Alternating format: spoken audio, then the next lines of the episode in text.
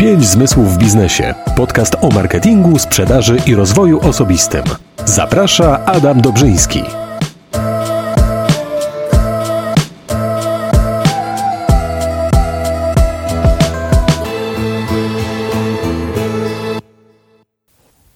Siemanko ludziska, z tej strony Adam Dobrzyński i podcast 5 zmysłów w biznesie. Drogi słuchaczu, jeżeli będziesz miał jakiekolwiek pytania związane z dzisiejszym nagraniem, dzisiejszym podcastem, to zachęcam Ciebie do kontaktu na adam.dobrzyński małpa muzyczna galanteria.pl Napisz do mnie, jeżeli masz jakiekolwiek wątpliwości, zapytania związane z dzisiejszym nagraniem lub związane z marketingiem sensorycznym lub audiomarketingiem. Postaram się Tobie podpowiedzieć, odpowiedzieć najlepiej jak potrafię. Tematem dzisiejszego nagrania jest kontrola OZZ i jak się do niej przygotować, w jaki sposób możesz zmniejszyć koszty stałe mm, związane z publicznym odtwarzeniem muzyki w swoim biznesie. Więc mam nadzieję, że dzisiejsze nagranie będzie dla Ciebie wartościowe. Jeżeli tak, to pamiętaj, że bardzo proszę Ciebie o udostępnienie tej treści dalej. Niech idzie w świat. Być może któryś z Twoich znajomych będzie potrzebował pomocy w tym temacie, a ma gotowy pakiet wiedzy do tego, aby wiedzieć, z czym może się liczyć Przejdźmy do pierwszego tematu, czyli kto w Polsce pobiera opłaty za publiczne odtwarzanie muzyki.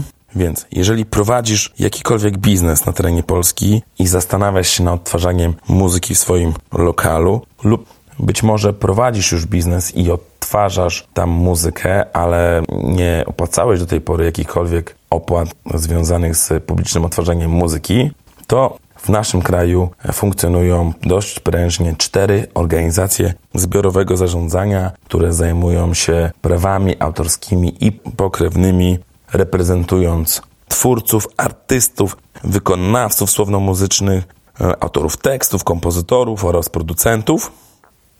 Pamiętaj, że wszyscy właściciele lokali o charakterze publicznym, usługowym, tam gdzie jest odtwarzana muzyka, niezależnie od tego, czy jest to pub, restauracja, kawiarnia, galeria handlowa, czy jest to hotel, mogą odtwarzać muzykę legalnie, ale tylko w momencie, kiedy podpiszą ważną umowę z tymi czterema organizacjami zbiorowego zarządzania.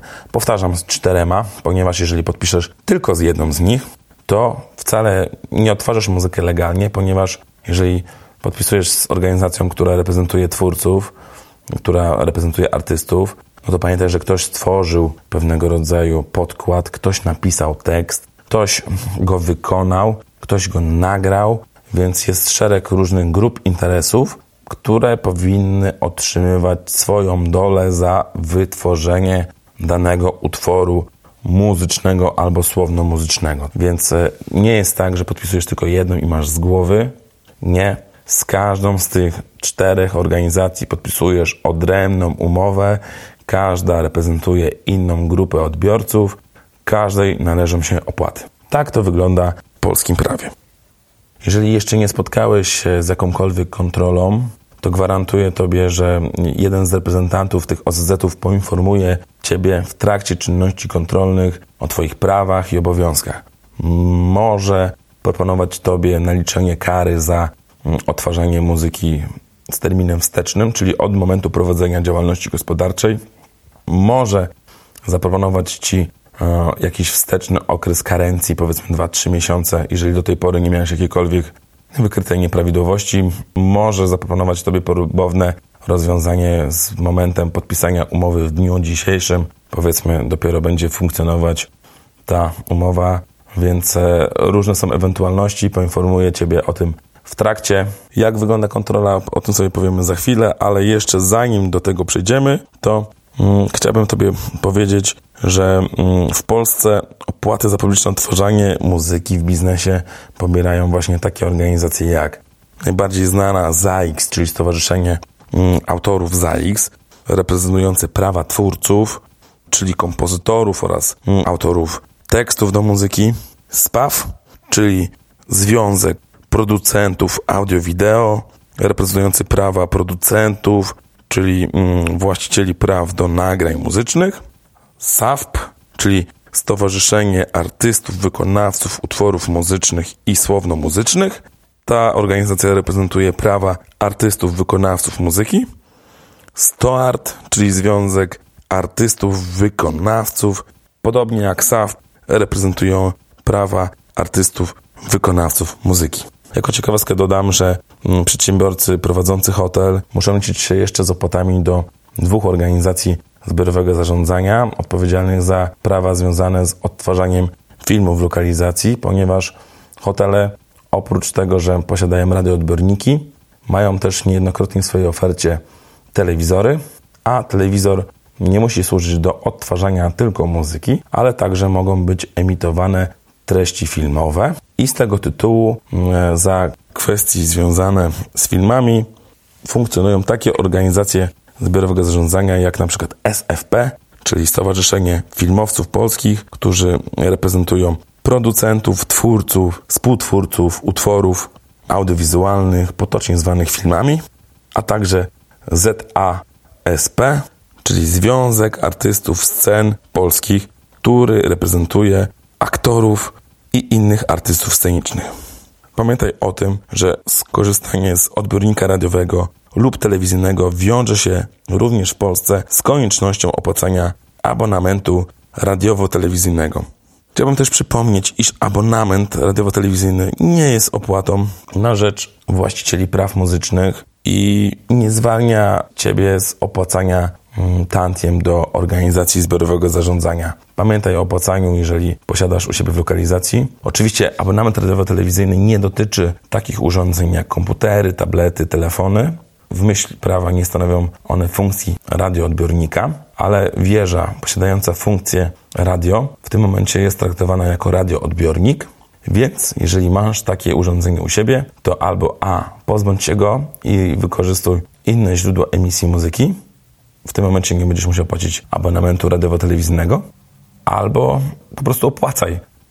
Chciałbym Ciebie też uczulić, że mm, organizacje zbiorowego zarządzania co jakiś czas mają obowiązek monitorować wszystkie podmioty gospodarcze, gdzie odtwarzana jest muzyka. Kontrolerzy mają za zadanie m.in. informować i upominać przedsiębiorców o naruszeniu przepisów prawa z tytułu nieuregulowanych opłat oraz odtwarzanie muzyki komercyjnej. Mogą także nakłaniać prowadzących własny biznes do zawarcia umowy z danym OZZ-em lub skierować po prostu sprawę do sądu z tytułu nieprzestrzegania czy też łamania praw autorskich i ich pokrewnych względem artystów, twórców muzyki czy autorów tekstów itd. Tak Pewnie zastanawiasz się, co zrobić, gdy kontrola przyjdzie do Twojego lokalu. Po pierwsze, pozwól na swobodną pracę kontrolera. Nie przerywaj, nie utrudniaj prowadzonych czynności. To nic Ci nie da i niczego nie rozwiąże.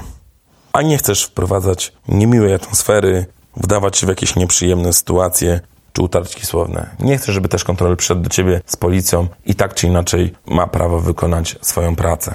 Pamiętaj, aby udostępnić kontrolerowi przestrzeń, która jest dostępna dla gości i klientów Twojej lokalizacji. Kontrolera w żadnym wypadku nie powinno dotyczyć wszelkiego rodzaju zaplecze, czy też jeżeli prowadzisz jakikolwiek lokal gastronomiczny, żadna kuchnia, strefa tylko dla klienta, tylko dla gościa. Kontrolera powinien interesować ta strefa, gdzie przychodzą ludzie, którzy zostawiają u Ciebie ciężkie pieniądze za to, że korzystają z swojego biznesu.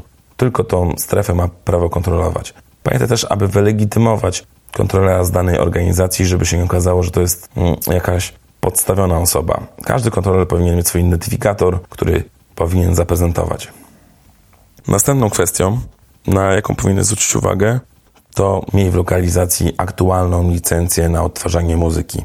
Jeżeli podpisałeś umowę z jednym z tych OZZ-ów i akurat ten OZZ Ciebie kontroluje, no to pokaż po prostu podpisaną umowę.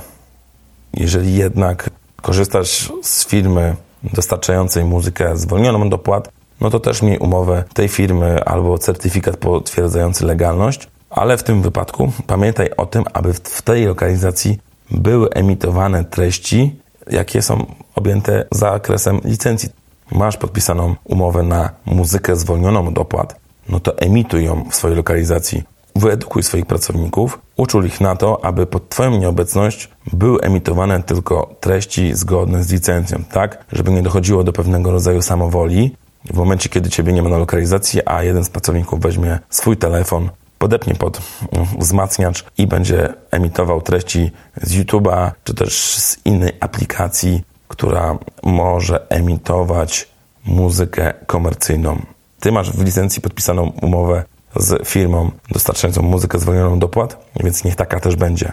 Bo ja sam wiem z własnego doświadczenia, że niejednokrotnie dochodzi do takich nieprawidłowości, a później mm, właściciele firmy są zdziwieni, że dochodziło do kontroli i były wykrywane nieprawidłowości. Oczywiście my potrafimy, jako marka Muzyczna Galanteria, udowodnić, jakie treści były emitowane, więc dajemy gwarancję dla swoich klientów, ale jeżeli dochodzi do samowoli, to też jesteśmy w stanie w raportach to przedstawić, więc w tym momencie po prostu doszło do zaniedbania, no już jakiekolwiek tam kwestie to trzeba wyjaśniać we własnym zakresie, w zakresie pracownika, który dopuścił się pewnego rodzaju samowoli. Jako potwierdzenie takiej licencji to może być albo podpisana umowa, albo certyfikat, który jest wystawiony do umowy i stanowi pewnego rodzaju potwierdzenie licencji za odtwarzanie muzyki w Twoim biznesie. Jeżeli chciałbyś zgłębić wiedzę odnośnie opłat, z jakimi powinieneś się liczyć prowadząc dany biznes, to odsyłam Ciebie do strony SPAW, gdzie znajdziesz tabelę opłat związanych z publicznym odtwarzaniem muzyki. Tam masz szczegółowe informacje odnośnie danego miejsca, regionu, charakteru działalności. Masz wyliczone opłaty dla każdego rodzaju biznesu, z jakimi dana lokalizacja się liczy za publiczne odtwarzanie muzyki. Mając tą wiedzę, możesz w tym momencie porównać, czy dalej chcesz odtwarzać komercyjną muzykę, czy też zmniejszyć swoje koszta stałe i przejść na pakiet muzyki zwolnionej od opłat, który jest zdecydowanie bardziej ekonomiczną opcją. Więc jeżeli chcesz zmniejszyć koszta stałe związane z publicznym odtwarzeniem muzyki, to mam być może dla Ciebie idealne rozwiązanie. Zastanawiasz się pewnie, co musisz zrobić, aby nie opłacać OZZ-ów. Możesz skorzystać z usług takich firm, w której ja pracuję. Zapoznaj się z ofertą muzycznej galanterii, ponieważ muzyczna galanteria posiada wysokiej klasy muzykę zwolnioną od opłat. I pamiętaj, że wcale nie musisz mi wierzyć na słowo.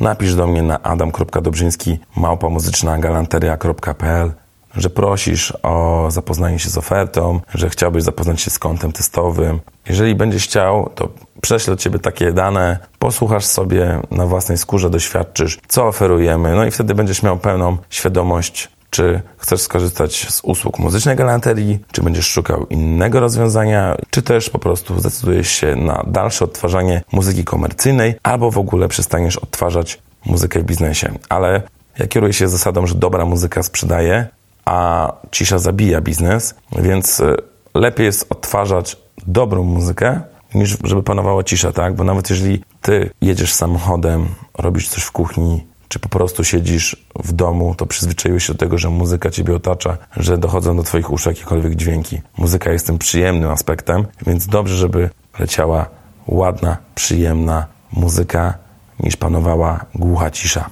Co wybierzesz, tak naprawdę decyzja należy do ciebie.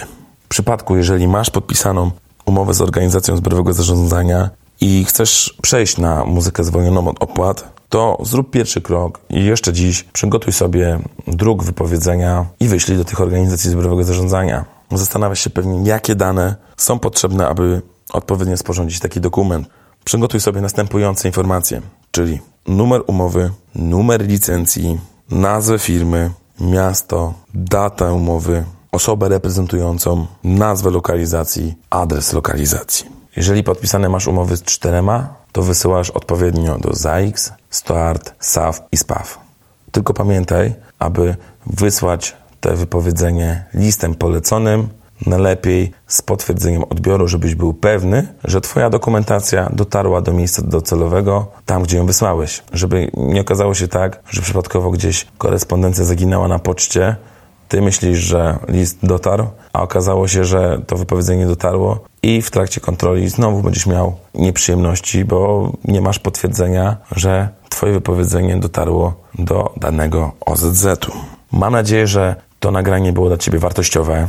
Jeżeli ten odcinek dał ci jakiś pakiet wiedzy, to proszę cię, przekaż tą wiedzę dalej. Udostępnij na swoim Facebooku, na swoim LinkedInie, czy na jakimkolwiek innym portalu społecznościowym, gdzie możesz podzielić się tą treścią. Być może ktoś z Twoich znajomych, Twoich e, kontaktów będzie potrzebował takiej wiedzy, teraz lub w przyszłości i dobrze, żeby był świadomy wcześniej niż później.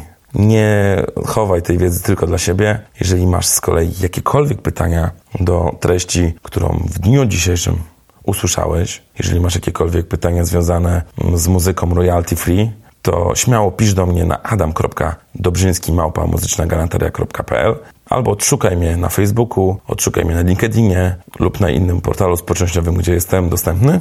Jestem do Twojej dyspozycji, pomogę, doradzę najlepiej jak potrafię. Jeszcze raz mam nadzieję, że ta treść była dla Ciebie wartościowa, że wyniosłeś jakiś pakiet wiedzy dla siebie. Dziękuję Ci bardzo za Twój czas. Udostępnij to dalej, jeżeli możesz. Będę wdzięczny. Mam nadzieję, że usłyszymy się jeszcze nie raz. Trzymaj się. Pozdrawiam Cię bardzo serdecznie.